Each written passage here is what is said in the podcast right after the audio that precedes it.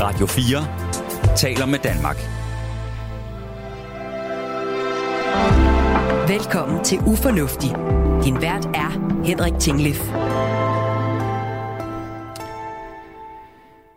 Jeg gjorde det, Nana. Jeg ryddede op i mit kosteskab i weekenden. Hvorfor, øh, hvorfor fortæller du mig det, Henrik? Jamen, det er fordi, det er faktisk en ret stor ting. Det er faktisk øh, en ting, som har generet mig i månedsvis, at når jeg åbnede mit kosteskab ude i køkkenet, så fik jeg mindst øh, gulvsgruppen i hovedet, hvis jeg var rigtig heldig, også øh, kosten. Ja.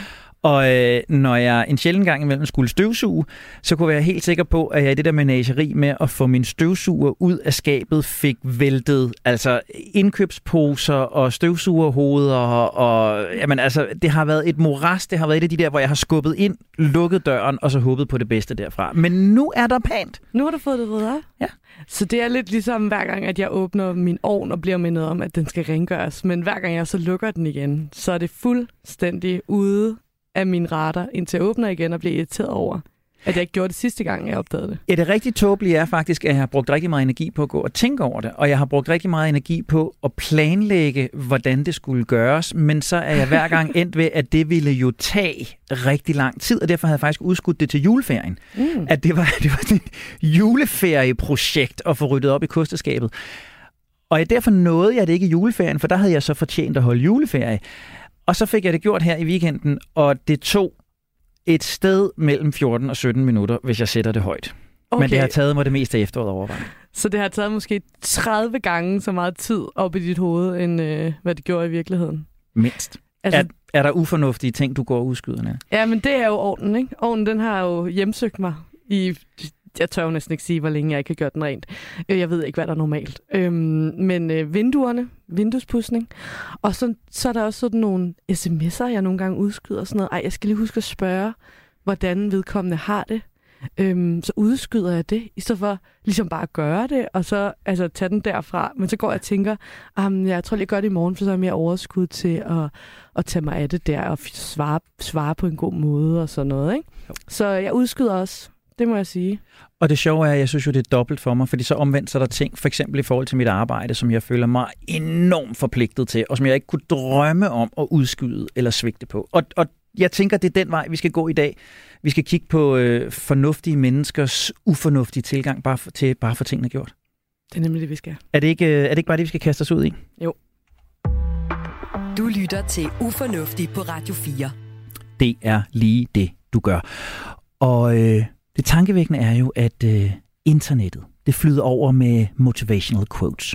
Opportunities don't happen, you create them. There's nothing impossible for those who will try. If you're going through hell, keep going. Og jeg er fra den der generation, der voksede op med øh, de gode, sunde leveregler om, at man må yde, før man kan nyde. Karl om en nat, Karl om en dag. Og så er vi jo alle sammen omgivet af store kommercielle brands, der har verdenskendte slogans om bare at gøre det eller prøve hårdere. Men mest af alt så er det tankevækkende, at vi mennesker, vi besidder universets eneste hjerne, der kan planlægge, strukturere og skemalægge. Det er der ikke mange pingviner, høns eller hunde, der kan. Vi besidder en fornuft, der forstår, hvad der er sundt for os, hvad der er rigtigt for os, hvad der er givetigt for os, bedre end nogen andre levende væsener. Og alligevel så er der så meget, vi kloge mennesker ikke får gjort, selvom vi har alle argumenterne for det. Så meget vi bare kunne gøre, men som forbliver ugjort. Massevis af energi, vi bruger på at tænke på at gøre, drømme om at gøre, samle kræfter til at gøre energi, der aldrig ender ud i, at tingene bliver gjort. Det er godt nok ufornuftigt. Du lytter til Ufornuftig på Radio 4. Vi er programmet, hvor vi undrer os over, hvorfor vi kloge mennesker gør så mange dumme ting. Jeg hedder Henrik Tingle, for sammen med tilrettelægger Nana Chili Guldborg, der har jeg skruet et program sammen, der i dag handler om det rationelle, intelligente, fornuftige menneskes ufornuftige tilgang til bare at få tingene gjort. Regninger, der ikke bliver betalt til tiden, og kælderrum, der roder. Slanke og motionsplaner, der bliver ved planer. Intentionerne om at bruge mere tid med bedstemor eller gamle venner, som aldrig rigtig bliver til noget. Og alt det andet, vi godt ved, vi burde. Alt det, vi kender de gode argumenter for, men som alligevel ikke bliver gjort. Det skal vi se nærmere på i dag.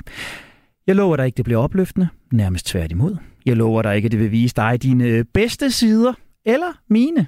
Men jeg lover dig, at det bliver helt igennem menneskeligt. Og dagens medværter, for der er to af slagsen i dag, det er selvstændig digital rådgiver, bestyrelsesmedlem og forfatter Astrid Hav. Godt at se dig, Astrid. Og jeg skal lige tænde for dig. Det var ufornuftigt, det her, Astrid. Så jeg tænder lige for dig, så du kan få lov til at sige pænt tak og velkommen. Tak for invitationen. og den anden, som vi så tænder for, det er Sally Kalash, beslutningsteoretiker, partner i virksomheden Behavioral Strategy og forfatter. Sally, velkommen til. Mange tak. Og det, der gør det interessant at jer to i studiet, Astrid og Sally, det er, at I jo begge to arbejder med at få folk til at gøre noget, de ikke selv havde tænkt på at gøre.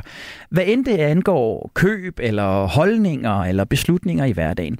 Så jeg kunne godt tænke mig at tabe jeres hjerne hen over den næste øh, lille times tid her, for alle de gode råd til at få gjort de ting, som vi godt ved, vi burde gøre, men bare ikke få gjort.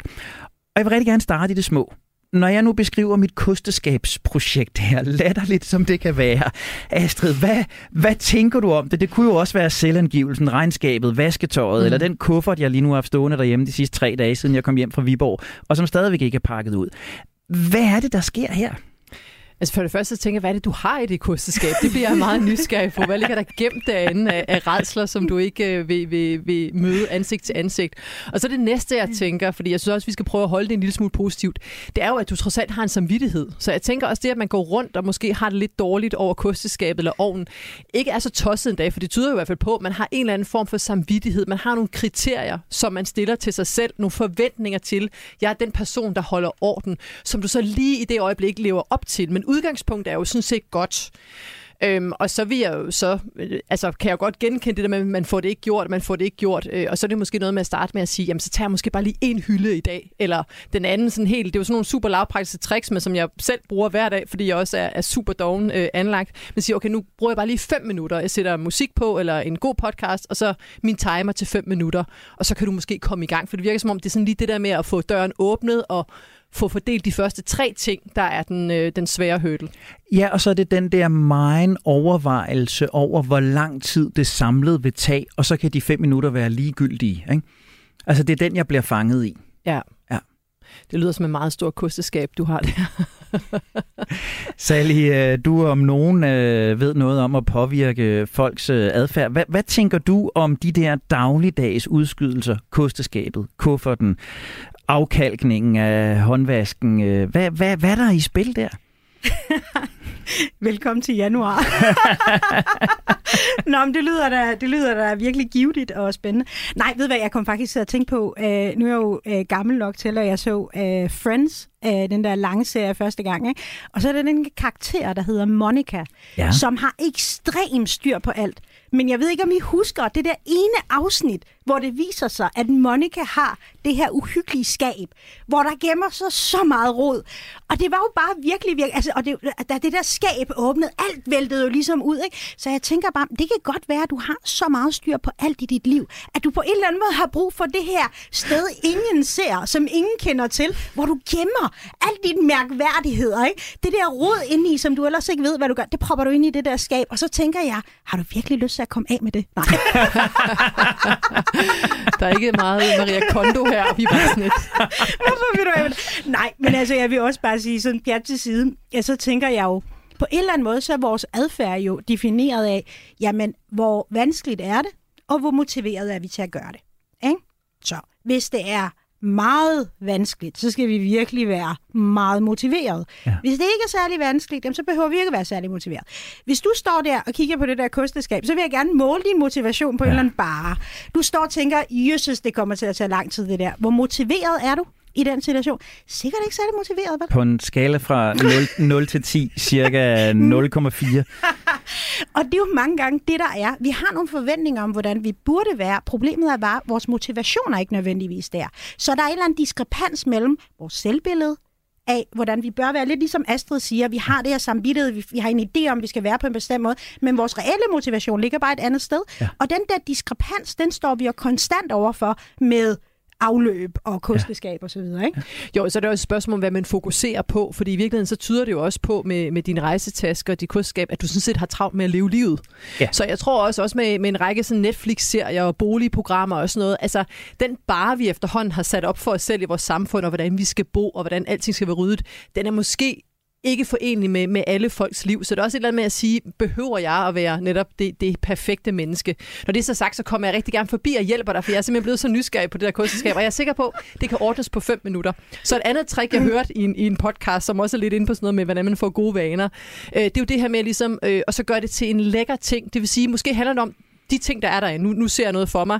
Øh, det kan være alt fra Lige- lige dele, afskårne og- sådan noget. Ikke? Ja, ej, præcis. Det er jo bare en joke. Jeg har lige set et Wednesday med mit barn, det er derfor, jeg tror, jeg har sådan nogle afskårne lægemsdele i, i hovedet.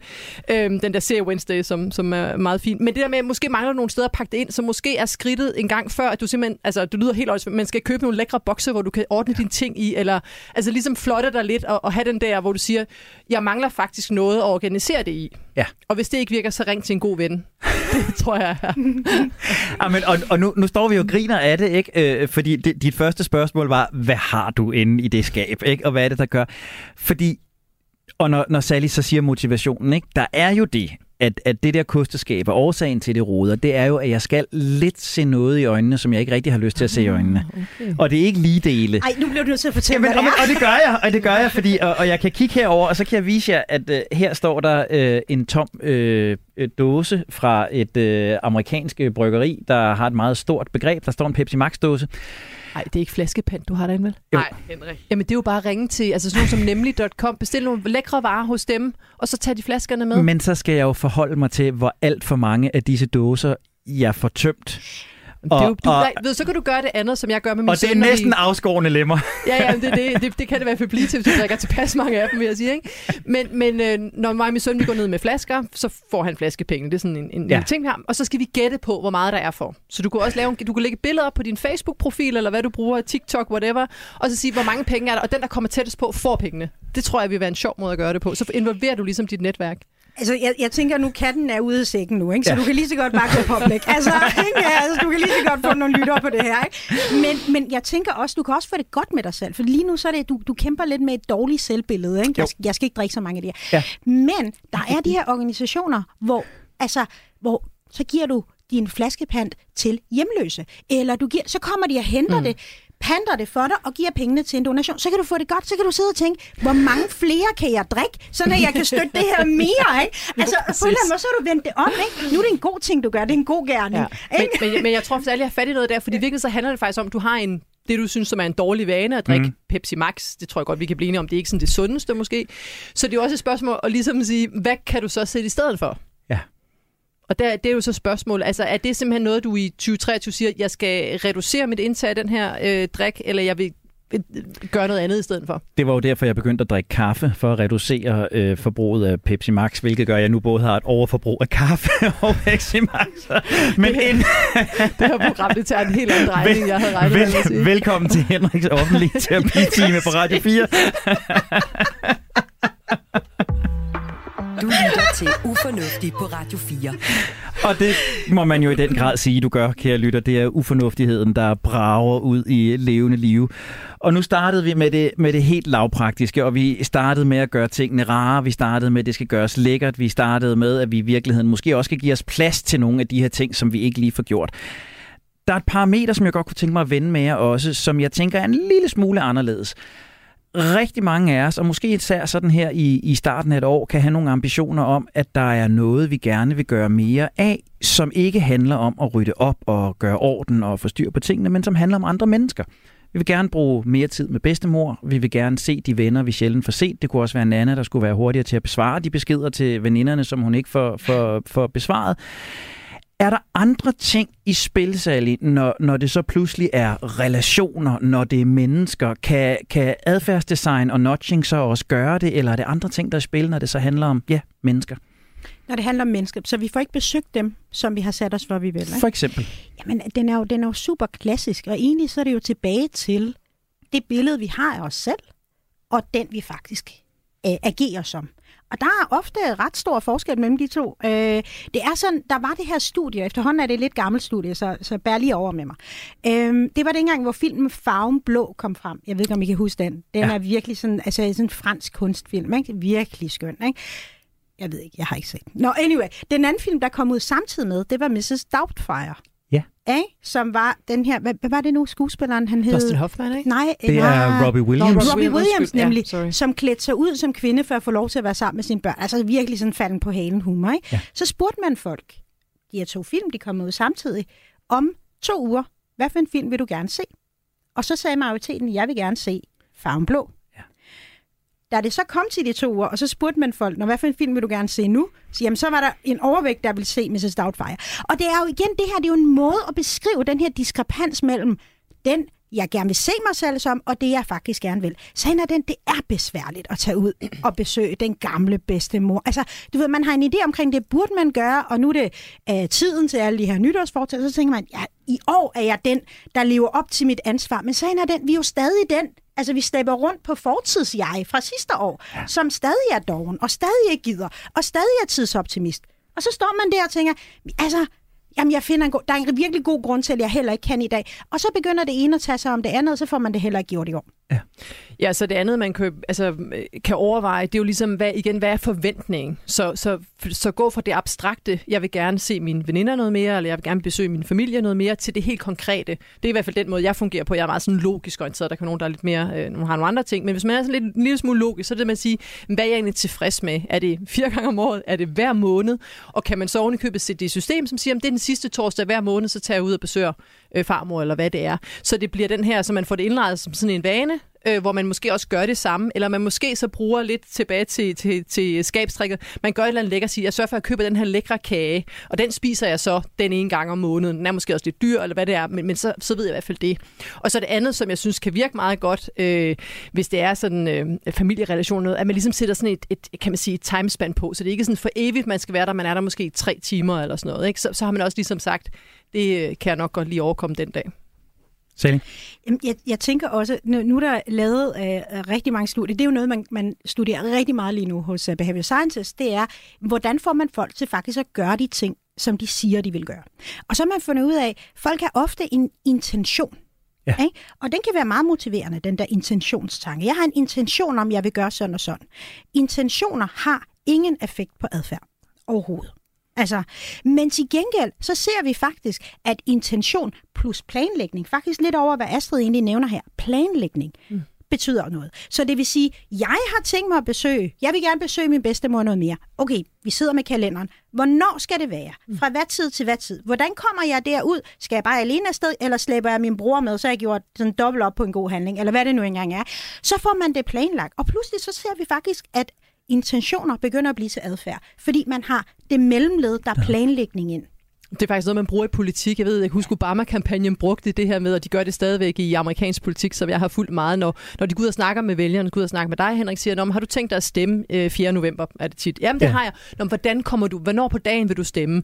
Hvordan kommer du hen til valgstedet? Hvem følges du med? Og alle de her ting. Øh, og, og, hvis det er, at du ligesom ikke rigtig kan komme, komme i mål med det, så siger det godt, men vi kommer og henter dig i en bus, ikke? Altså, Ja, ja, Så ja. det her med netop, som, som Sally er inde på, det, det er sådan en, en, øh, en anvendt teknik. Og det andet er jo så, og det er jo det, du siger, Sally, med intentioner, hvis man kan gøre det lidt mere forpligtende. Så hvis man for eksempel booker noget, så man booker et bord på en restaurant, eller man booker en øh, biografbilletter, øh, så kan det godt være, det er Mrs. Doubtfire, men det er måske også okay, ikke?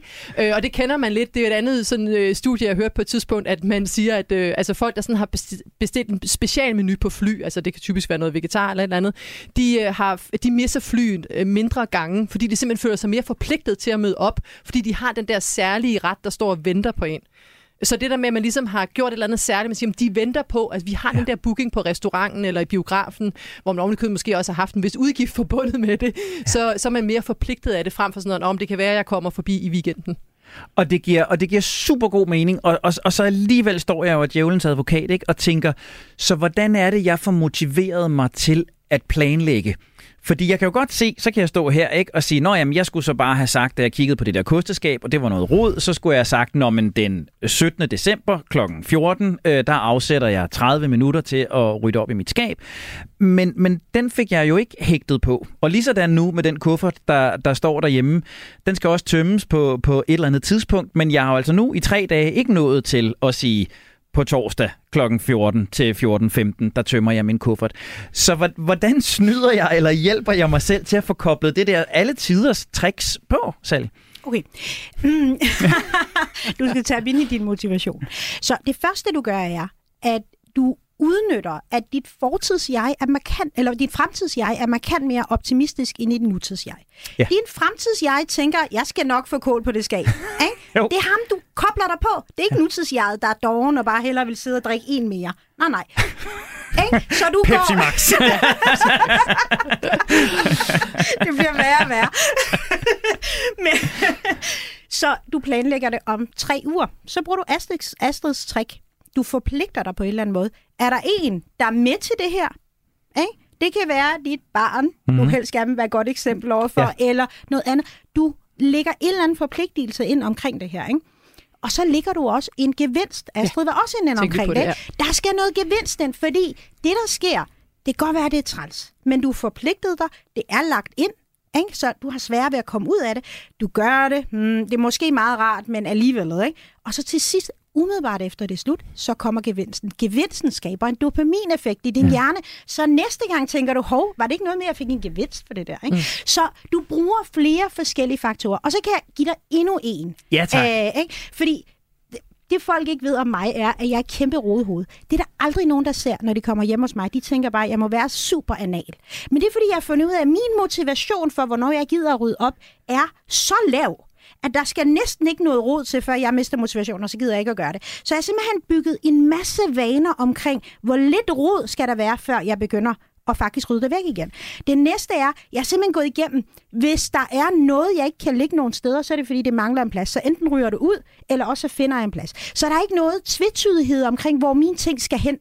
Hvilket er, og det er et system, der er nørklet sammen over rimelig mange år. Men jeg lurer mig, når du kommer hjem hos mig, der er ingen skuffer, hvor der er råd. Selv nede i min kælder står tingene. Altså, og det er jo, når man kender mig, tænker man, hvordan kan du komme derhen? Ja. Men det er jo vaner, og det er jo simpelthen at opdage, min motivation er bare for lav til, at jeg gider at tolerere særlig meget råd, før jeg bare lever i et losseplads. Fint nok. Så er det jo ligesom det, der er min udgangspunkt. Ja.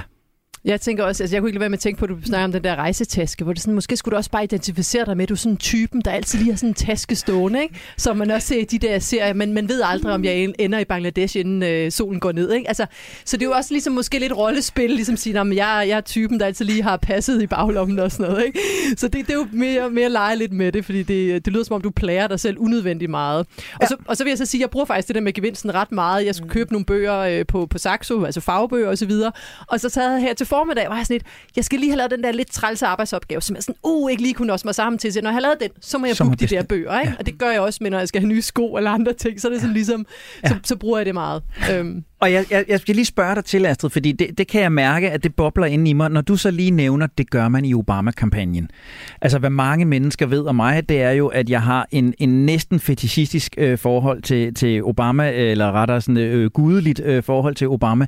Og det øjeblik, du siger, det gør man i Obama-kampagnen. Så tænker jeg, det kan jeg, det skal jeg. Jamen, ja. så, så, så hvad okay. er den, den der identifikation eller selvbillede? Hvad er det, der sker der? Fordi du, du kunne bilde mig hvad som helst ind, og i øvrigt har jeg hørt Obama gøre det, så begynder Henrik ja, ja. også at gøre Men det. så skal du tænke, når du står der, hvad vi Obama gør, eller fremadrettet, hvad vi Sally gør her. Ikke? Hun vil få det der skab ordnet, for jeg ved også, du har en vis respekt for Sally. Ikke? Jeg ved ikke lige Obama og Sally, men altså, vi, vi er, vi er Jamen, Sally er bare bange for. Same, same, same, same. altså, Obama kommer måske ikke forbi, men det kan være, at Sally kommer forbi en dag, og så lige pludselig river det der skab op. Ikke?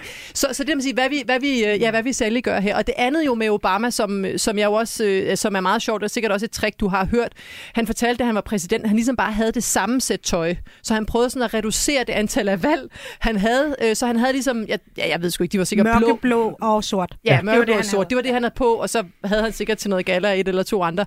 Men det var ligesom, at det der med at reducere mængden af valg, man, man skal træffe i løbet af en dag. Ikke? Øh, der vil jeg så sige, at personen, det synes jeg måske er en lidt kedelig øh, garderobe at vælge, så jeg vil opfordre folk til at måske at have lidt flere valg på garderoben, men så er der måske nogle andre ting, de skal have lidt færre valg på. Jeg kan garantere dig, at den er allerede implementeret, ja. Ja. og gå hjem og åbne mit skab, så Ja. skal du se, at der hænger sorte skjorter, der hænger mørkeblå skjorter, der her hænger sorte, blå og grå bukser, and that's it.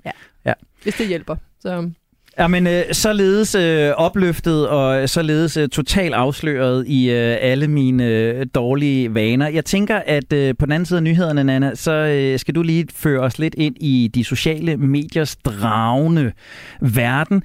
En af de tidsrøver, der gør, at vi ikke får gjort nogen af de her ting. Og så ved jeg, at du har noget andet med til os. Du har en test med, som både du, jeg, Sally og Astrid har lavet i forhold til vores øh, motivationsprofil. Så det venter alt sammen lige på den anden side af nyhederne. De kommer lige nu på Radio 4.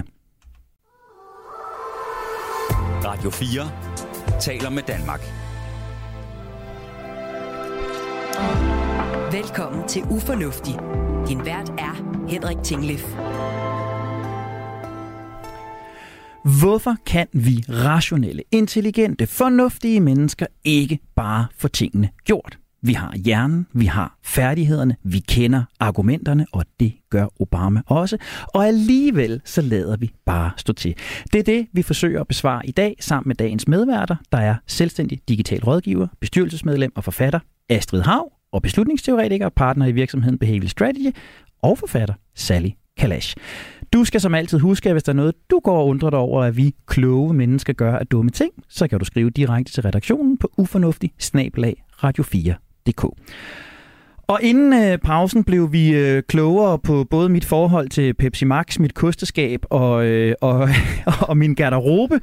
Og øh, jeg tænker, at vi skal lige dykke ned i en af de tidsrøvere, som gør, at kosteskabet og garderoben og kufferten og alt det der nogle gange får lov at sejle. Nana, du har kigget lidt på vores øh, skærm- og sociale medievaner.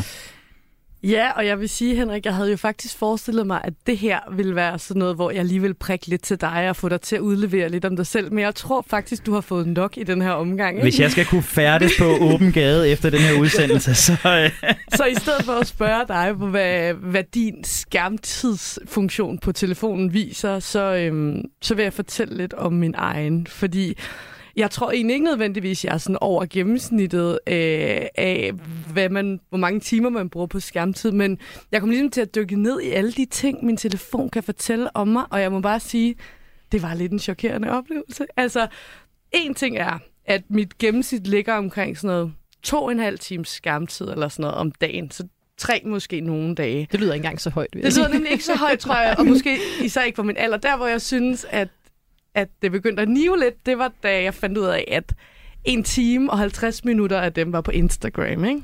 Det er synes jeg, lidt højt. en, en stor øh, del af min tid, jeg bruger på min skærm. Det var så en anden ting. Jeg vidste godt, at Instagram var der. der det var mit ømme punkt, at jeg kommer til at ligge der. Den tredje ting var så, at jeg kunne se, at jeg samler min telefon op sådan noget små 130 gange om dagen.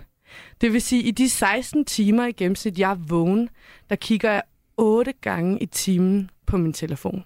Og, og, og åbner den og tjekker den.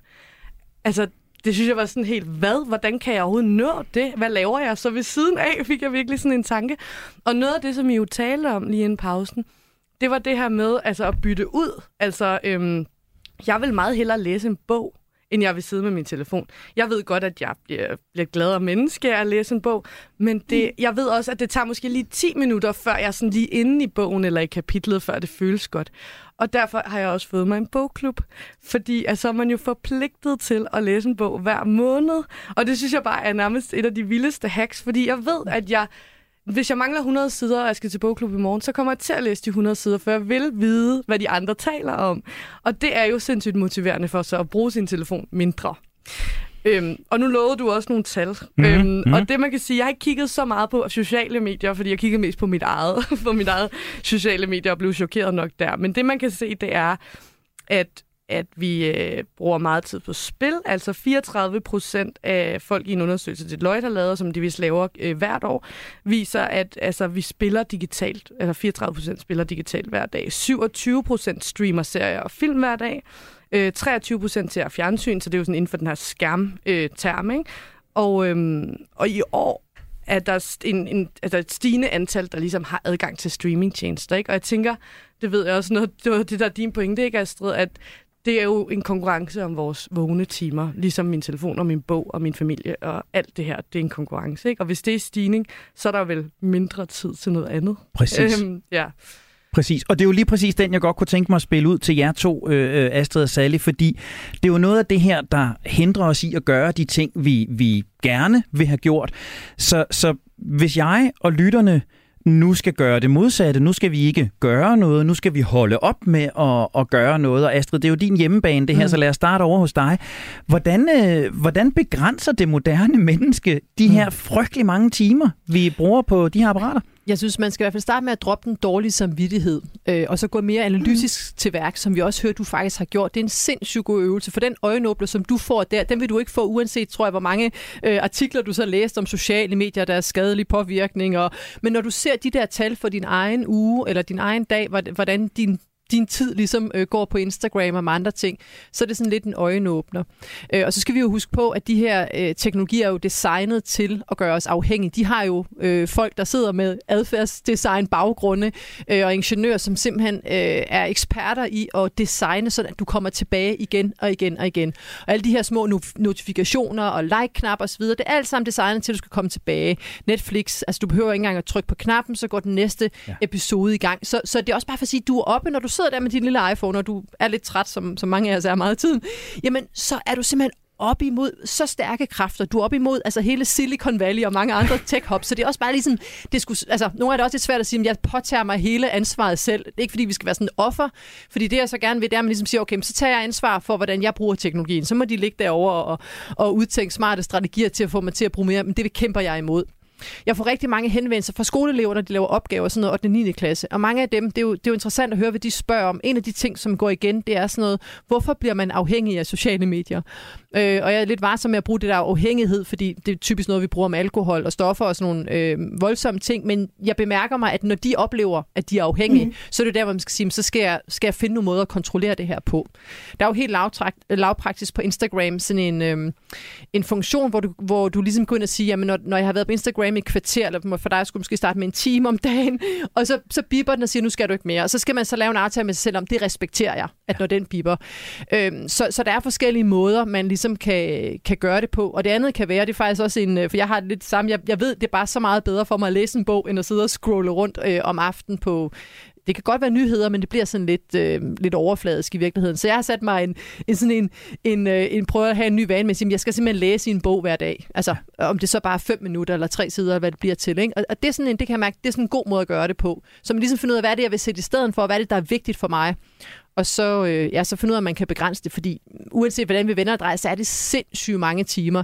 Jeg så sådan, jeg tror amerikanske teenager, det var, jamen, det var sådan, altså over to timer om dagen, de er på TikTok, ikke? Altså, så det er, virke, det er virkelig, virkelig mange timer. Eller halvanden time var det om dagen, 90 minutter, ikke? Det tror jeg, jeg har en 15-årig derhjemme, der absolut godt kan konkurrere ja. med det der. Ja, ja, ja.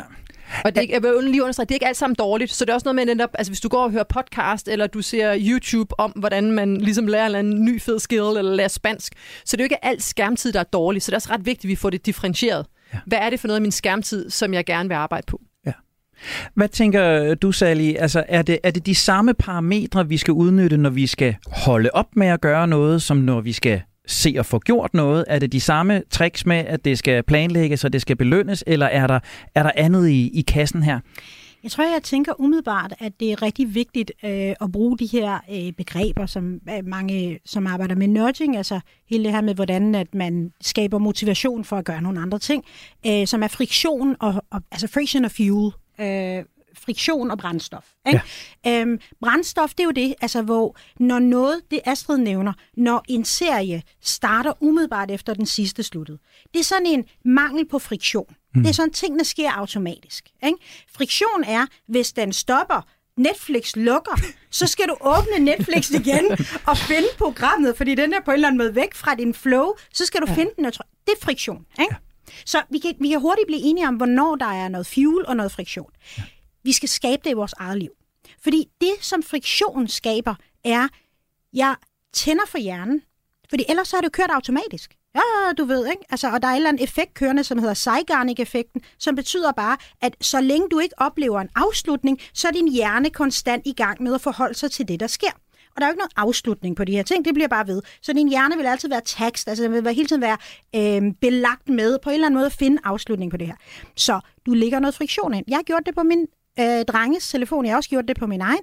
Der er visse apps, og de bliver mørke eller sorte, og så skal du bruge en kode for at gentænde dem igen. Det er friktion. Ja.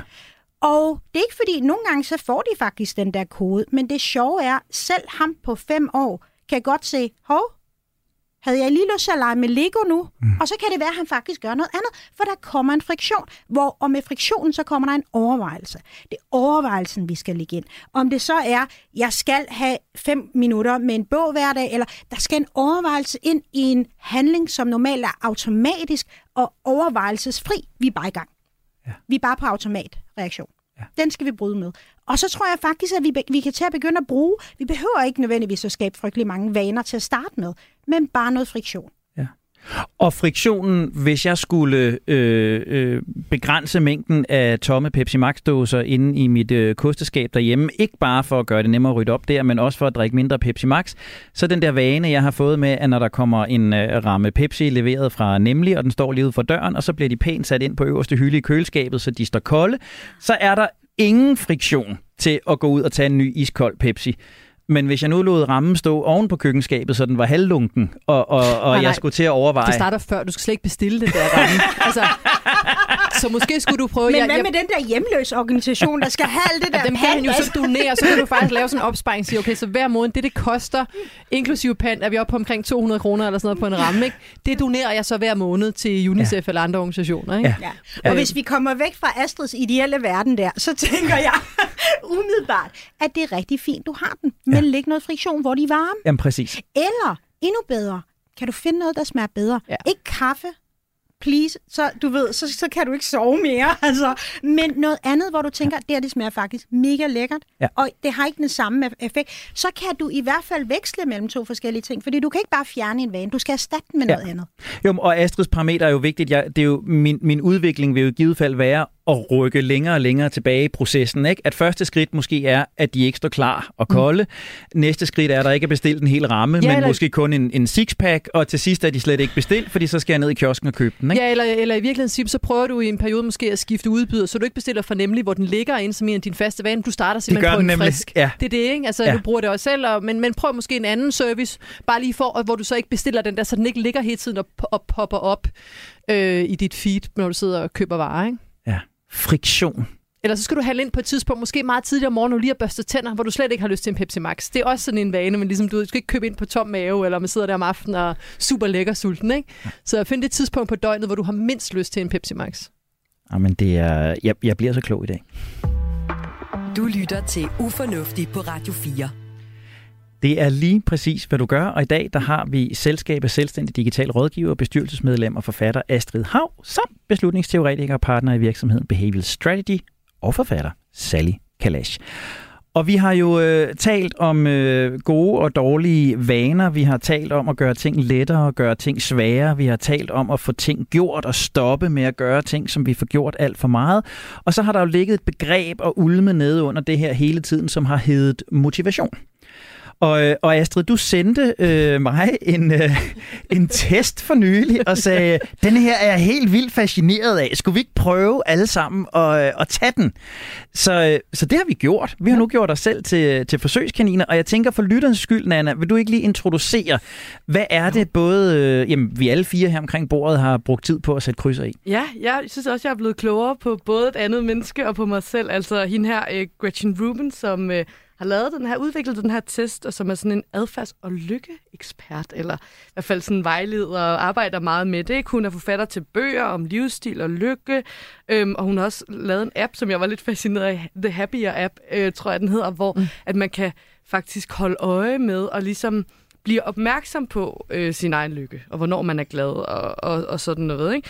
Og hun, altså, hun mener jo, at, at det, det, det, det er godt at, ligesom, at blive opmærksom på de her ting, altså at man skal bevidsthed, have en bevidsthed om sin adfærd og sin motivation og sin, sin lykke, for ligesom også at kunne gøre nogle ting bedre. Og det er jo det, øhm, den her test lidt handler om, ikke? Altså, den ligger i forlængelse af, at man skal kende sig selv, og så er det jo sådan en helt klassisk test med fire svarmuligheder, og, og spørgsmål om, hvordan man reagerer i forskellige situationer i forhold til, hvad man er motiveret af. Det er det, der er grundlaget for det, ikke? Mm. Og så er der nogle forskellige motivationstyper, vi kan blive identificeret som. Ja, og man kan sige, ja, vi har lidt været øh, inde på det. Jeg har i hvert fald, og jeg var åbenlyst den her, der har brug for at være forpligtet. Altså den, der har brug for, at der er nogle andre mennesker, der på en eller anden måde er med til at motivere mig. Jeg kan mærke det, når jeg melder mig ind i et nyt træningscenter, så har jeg brug for en veninde, som jeg de første otte gange har en forpligtende aftale øh, med, for vi skal ned. Jeg kan mærke det med min bogklub. Det var, det var helt klart den, jeg blev. Og jeg tænker, måske, måske kan alle her i rummet, vi er jo fire, måske kan vi hver her repræsentere en af de her typer. Vi kan i hvert fald lige tage en runde. Hvad har, øh, Astrid, hvordan var det for dig at lave test? Astrid siger jeg så og kigger på Sally. Det er helt vildt. Uh det er to alen af, af samme stykke. ja. Nå, jeg, kan godt, jeg kan godt starte nu, hvor det er mig, der fandt testen. Ja. Jeg tænkte, det var meget, altså, jeg kan meget godt lide de der test, men jeg er også lidt spændt på, hvad Sally synes, for hun kan sikkert vurdere den bedre sådan rent fagligt. Men det var en øjenåbner for mig i forhold til, at den ligesom kigger på, om du er ydermotiveret, som du lidt er inde på, eller om du er indre motiveret. Og jeg fik så den, der hedder en questioner, altså en, der stiller spørgsmålstegn med, hvorfor, hvorfor, hvorfor. Mm. Øh, og af samme grund er jeg så også, kunne man sige, endt som, som selvstændig, fordi jeg simpelthen ikke øh, fungerer godt i, i, i øh, kan man sige, sådan større arbejdsfællesskab, hvor man ikke hele tiden bare kan spørge chefen, hvorfor skal vi nu gøre det, fordi der er ligesom nogen, der bestemmer. Ikke? Så det her med øh, questioner er sådan indre motiveret øh, og reagerer meget dårligt, altså decideret sådan negativt også på, på ydre krav i virkeligheden, eller ydre, altså så, så det er, hvis nogen kommer og siger, nu skal du gøre det her, hvis det ikke giver mening for mig, øh, så, så, øh, så er det sådan næsten umuligt. Så, og, og det kender jeg både fra mit arbejdsliv og privatliv nogle gange, hvor der er nogle ting, man skal, hvor man sådan, det giver ikke mening for mig lige nu at skulle gøre det her. Øh, så, øh, så, så, så kan jeg blive sådan helt dårlig, altså sådan helt fysisk dårlig, og så kan jeg, fordi jeg så også øh, altså, er voksen nu, ikke, så kan jeg godt ligesom, okay, jeg kan godt tage mig sammen, men, men det, det, øh, det føles nogle gange meget, øh, meget og hvor jeg sådan tænker, hvor, jeg, altså, hvor er det sådan barnlig nærmest teatralsk, hvordan jeg sådan tærer mig for at undgå et eller andet, ikke? Fordi det vil jo bare tage fem minutter. Så derfor var den sådan lidt en øjenum i forhold til, det er simpelthen den der indre motivation, som, øh, som er meget stærk for mig. Og det betød så, efter jeg havde, havde taget test, og hun også lavet nogle, nogle podcasts, som jeg sådan lyttede til, at det sådan gik op for mig, okay, jeg skal simpelthen bare lave nogle aftaler med mig selv om de ting, jeg sådan gerne vil, vil gøre bedre, nogle vaner, jeg måske gerne vil have, øh, og, så, og så finde en måde at gøre det på. Så, øh, så fungerer det godt, hvis jeg ligesom bare aftaler med mig selv, så behøver jeg ikke involvere andre mennesker i det, så fungerer fungerer det faktisk bedst. Ja, ja, ja. Så, så, så jo, jo mere andre bliver involveret, jo flere benspænd bliver der i virkeligheden, og jo mere jeg holder aftaler med mig selv, jo nemmere bliver det for dig at få tingene gjort. Det var i hvert fald, det, det var i hvert fald sådan en øjenåbner, for jeg har ikke øh, tænkt på det på den måde. Nej. Øh, og så var der så den, der sådan var, var den, den lidt vildere kategori, det var den, der hed en rebel, altså en rebel, ja. som hverken reagerer på indre eller ydre motivation. Ja. Så det var sådan en virkelig, øh, ja, hun tænkte, det, det må også være lidt op ad bakke nogle gange. Er det så dig, Sally, Jamen, jeg, eller jeg hvordan? Jeg tænkte faktisk på at vide, hvordan, altså ligger sådan en person så bare på sofaen? Eller, altså jeg prøvede sådan at forestille mig, hvordan sådan en person virker. Jeg kan slet ikke... Øh... Nej, men nej, det var ikke mig. Jeg var også en questioner. Hvilket var, øh, var en... Øh, altså umiddelbart ikke en overraskelse. Men jeg er jo slet ikke på samme måde som Astrid, hvor at jeg bare skal lave aftaler med mig selv. Aftaler med mig selv vil aldrig virke. Nej. Fordi hvor konkurrencen jeg skal jo hele tiden konkurrere i forhold til nogle andre. Jeg fungerer rigtig godt i sådan en anglosaksisk konkurrencepræget miljø, hvor der altid er nogen, jeg skal konkurrere mod. Positive ja. konkurrencer, I love them. Um, så for mig så vil det altid være sådan, hov, der er en, der er dygtig, kan jeg blive bedre? Altså, det vil altid være motiverende for mig, så jeg, på den måde er jeg jo ekstremt ekstra drevet, eksternt drevet i forhold til, hvad er der derude. Men min profil var stadig en questioner. Ja. Men jeg tænker også, altså den lugtede lidt af sådan en dameblads. Ja, ja, det gør ja, det. Gør altså, det var lidt så bare lige for at blive ja, ja. enig. Og det er så, enig. Du det var ikke sådan altså, en stor dybde psykologiske ja, ja. test men, på den men, måde. Men det er jo klart, at jeg i hvert fald ikke er øh, sådan eksternt motiveret af, at der er nogen, der skal give mig et påbud, og så vil jeg sige, ma'am, yes ma'am. Altså, nej. Ja, så, og så kommer ved... de og roser dig bagefter. Og så. Det, det nej, har du ikke. Nej, nej, præcis, nej, nej der vil jeg blive helt allergisk. Ja. Så, så for mig var det, altså, og, så der er jo helt klart nogle ting, ja. den ikke fanger. Og så, og så var det i forlængelse af den, så, så kigger jeg dem på, hvad er det så rent faktisk for nogle vaner, der fungerer for mig? Hvornår er det, så det synes jeg også var en meget god øvelse, ligesom sige, hvornår er det, der nogle vaner, der rent faktisk fungerer, og hvad er det så for nogle vaner, man ikke rigtig får gjort, måske fordi motivationen ikke er det rigtige. Så en af de greb, jeg sådan tog med mig fra, fra noget af det, hun lavede, det var det der don't break the chain. Altså gør noget hver dag, eller sige, det her det skal jeg gøre en gang om ugen ugen. Ja. Og det er jo faktisk det, hendes, hendes app øh, fungerer til. Jeg så fandt sådan en anden, som jeg faktisk synes var bedre, en der hedder Streaks. Så du simpelthen siger, okay, hver dag kan du så gå ind og se, nu får jeg læst i min bog, eller jeg får ja. gået 10.000 skridt, eller en gang om ugen skal jeg bruge min romaskine, eller en gang om måneden skal jeg besøge bedstemor, eller hvad det nu er. Ikke?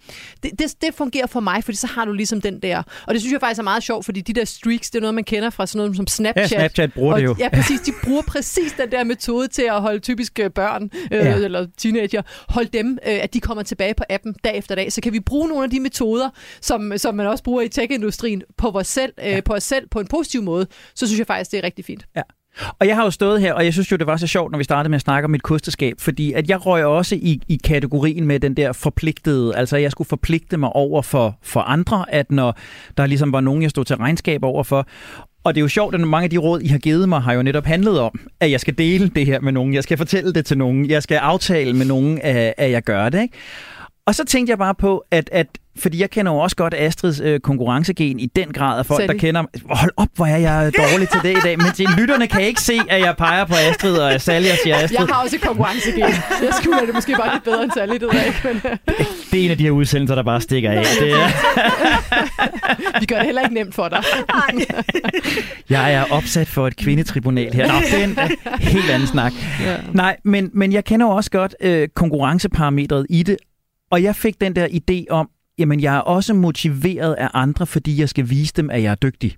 Altså, så, så det er netop også det der med at sige, når, man, når jeg så lægger en ekstra indsats, så det er ikke fordi nogen har bedt mig om at gøre det, så det er, så det er ikke fordi, at nogen øh, øh, sådan har sat nogle rammer for mig. Det er fordi, jeg skal vise dem, at jeg er velforberedt, jeg har styr på mine ting, og det føler jeg mig mere forpligtet for, end bare jeg selv gerne vil have orden i mit kosteskab.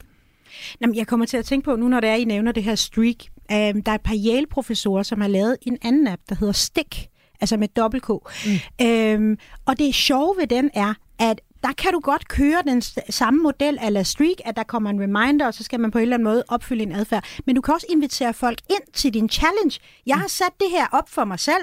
Så er der nogen, der er observatører på, Gør du det, eller gør du det ikke? Mm. Og når du så gør det, så får du noget reward fra den. Du får, du ved, high fives, eller, eller de kan komme ind og poke dig, eller på nogle andre måder prompte dig til at gøre det her.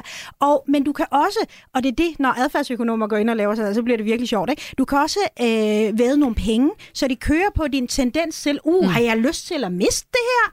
Ikke? Så der er noget loss aversion i det. Den er Altså alle biases pakket i en smuk, meget smertefuld pakke, hvis det er, at du ikke lever op til din, uh, til din egen selvbillede. Den er genial, og jeg ved ikke, hvorfor den ikke er mere udbredt, men den kunne man også godt bruge. Jeg siger det bare. Du lytter til Ufornuftig på Radio 4. Og vi nærmer os med hastige skridt afslutningen på dagens program. Så kan jeg sænke skuldrene, ikke være bange for at sige forkerte navne, ikke være bange for at blive udstillet, ikke være bange for at blive gjort til grin i mit eget studie. Så jeg tæller minutterne med ro i øh, sindet her. Og jeg tænker, vi bare er nået dertil, hvor øh, vi dybest set bare skal koge bouillonterningen på det, vi har talt om i dag. Og jeg tænker, vi skal gøre det med udgangspunkt i, at vi har tusindvis af lyttere siddende derude, som lige nu kæmper med deres øh, nytårsforsætter, som har nye vaner i, øh, i pipelinen, som gerne vil være den bedre udgave af dem selv i år 2023. Og jeg tænker i virkeligheden bare at give jer hver, Astrid og Sally, siger jeg kigger lige ud i luften på Nana, øh, muligheden for at sige jeres bedste råd til alle jer, der nu knokler derude med nytårsforsættet Astrid, hvis vi starter over hos dig, til venstre for mig i den smukke lyserøde jakke.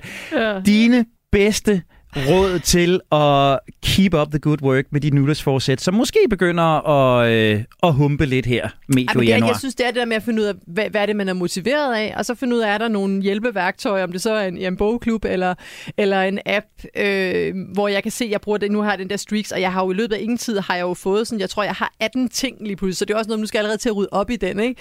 Øh, så det siger også noget om ambitionsniveauet. Men en af, de, en af de ting, jeg faktisk er glad for at få ind som en vane, og det kan, kan du måske også bruge, Henrik, det er faktisk, at jeg skal drikke en kop te hver dag. For alle de andre, sådan at læse en bog og gå tusind skridt og netop få ryddet op og få vandet blomster, alle mulige sindssyge ting, også lidt arbejde og sådan noget. Ikke? Men det der med at drikke en kop te, ja. og det er faktisk en god ting. Det gør så, at jeg drikker lidt mindre kaffe, men det er typisk også der, hvor jeg siger, så finder jeg lige bogen frem samtidig. Det passer jo rigtig godt sammen. Så nogle gange sådan nogle lidt små, faktisk belønninger i hverdagen, men som samtidig så for mig kan se, at det giver en positiv adfærd, hvor rent faktisk det er svært at styrte rundt i lejligheden, samtidig med at man drikker te. Ikke? Så der sidder jeg ned og slapper lidt af, og måske lige reflekterer lidt, eller endda læser en bog. Og os, der lige har investeret i en ny hund, ved, hvad, hvor meget man kan få ud af små belønninger i hverdagen. Og det, øh, der, selv med vores store hjerne fungerer vi jo ikke meget anderledes, når det Præcis. kommer til stykket.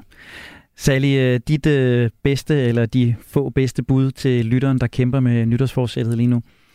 Jeg tror, at øh, januar måned er jo på en eller anden måde motivationens måned. Ikke? Det er der, hvor man føler sig motiveret til alt muligt. Jeg tror, at mit bedste råd er at parkere din motivation. Der er ikke et studie, der viser, at motivation leder til adfærdsændringer. Den er i hvert fald øh, blevet kraftigt fingeret, hvis den viser det. Det, der virker, det er planlægning, og det er at have en intention om, hvornår har jeg tænkt mig at gøre det, og planlægge det, sådan man gør det. Og for mig, hver gang jeg skal lave en, en ny, altså ændre noget adfærd, så kigger jeg ikke på det som motivation, jeg ser på det som en vane. For eksempel havde jeg på et tidspunkt, hvor jeg gerne ville tabe mig, der kiggede jeg ikke på, hvordan er jeg motiveret for at komme ned i træningscenteret. Nej, nej, jeg kiggede på, hvad for nogle vaner har jeg lige nu, og hvordan kan jeg hacke dem. Så til min aftensmad, så lavede jeg sådan en ting med, der skal stå en kæmpe stor salat. Belønning er, at den skal være virkelig virkelig lækker. Altså det skal være sådan hovedtingen på det her bord, det er den her fantastiske salat. Jeg brugte noget energi på at se på, hvordan laver man gode, virkelig lækre salater. Og så var det ligesom det, der gjorde. Så jeg behøvede ikke at tænke over, hvor mange kalorier jeg spiser. Nej, jeg dannede en ny vane. Sådan gør jeg i forhold til alt i mit liv. Fordi jeg kan jo se, det er vanen, der gør, at jeg kommer i mål. Og vane består jo i princippet af altså, en lang række planlægningsting på nogle bestemte tidspunkter i en bestemt kontekst, der bliver gentaget. Gør det. Det er det, der bringer dig i mål. Intention, planlægning og belønning. Så simpelt kan det siges. Astrid Hav, Sally Kalash, nu peger jeg på jer imens. Tusind, tusind tak for en skræmmende lille times tid i jeres selskab. Det var vidderlig en fornøjelse. Lige måde. Tak. Og dermed er vi nået dertil, hvor vi siger, at mennesker er fantastiske og forunderlige, men også foruroligende og farfulde. Og dagens emne har bare endnu en gang vist os en lille fli af ufornuftens væsen. Blev vi klogere undervejs? Absolut. Vil vi dumme os igen? Helt sikkert. Og derfor der gør vi det hele igen i næste uge. Husk, at du kan genhøre hele programmet her og alle Radio 4's andre gode programmer i Radio 4-appen. Tak for mig. Jeg var din vært, Henrik Tinglev. Tak for Nana Chili Guldbog, der var din tilrettelægger. Vi lyttes ved.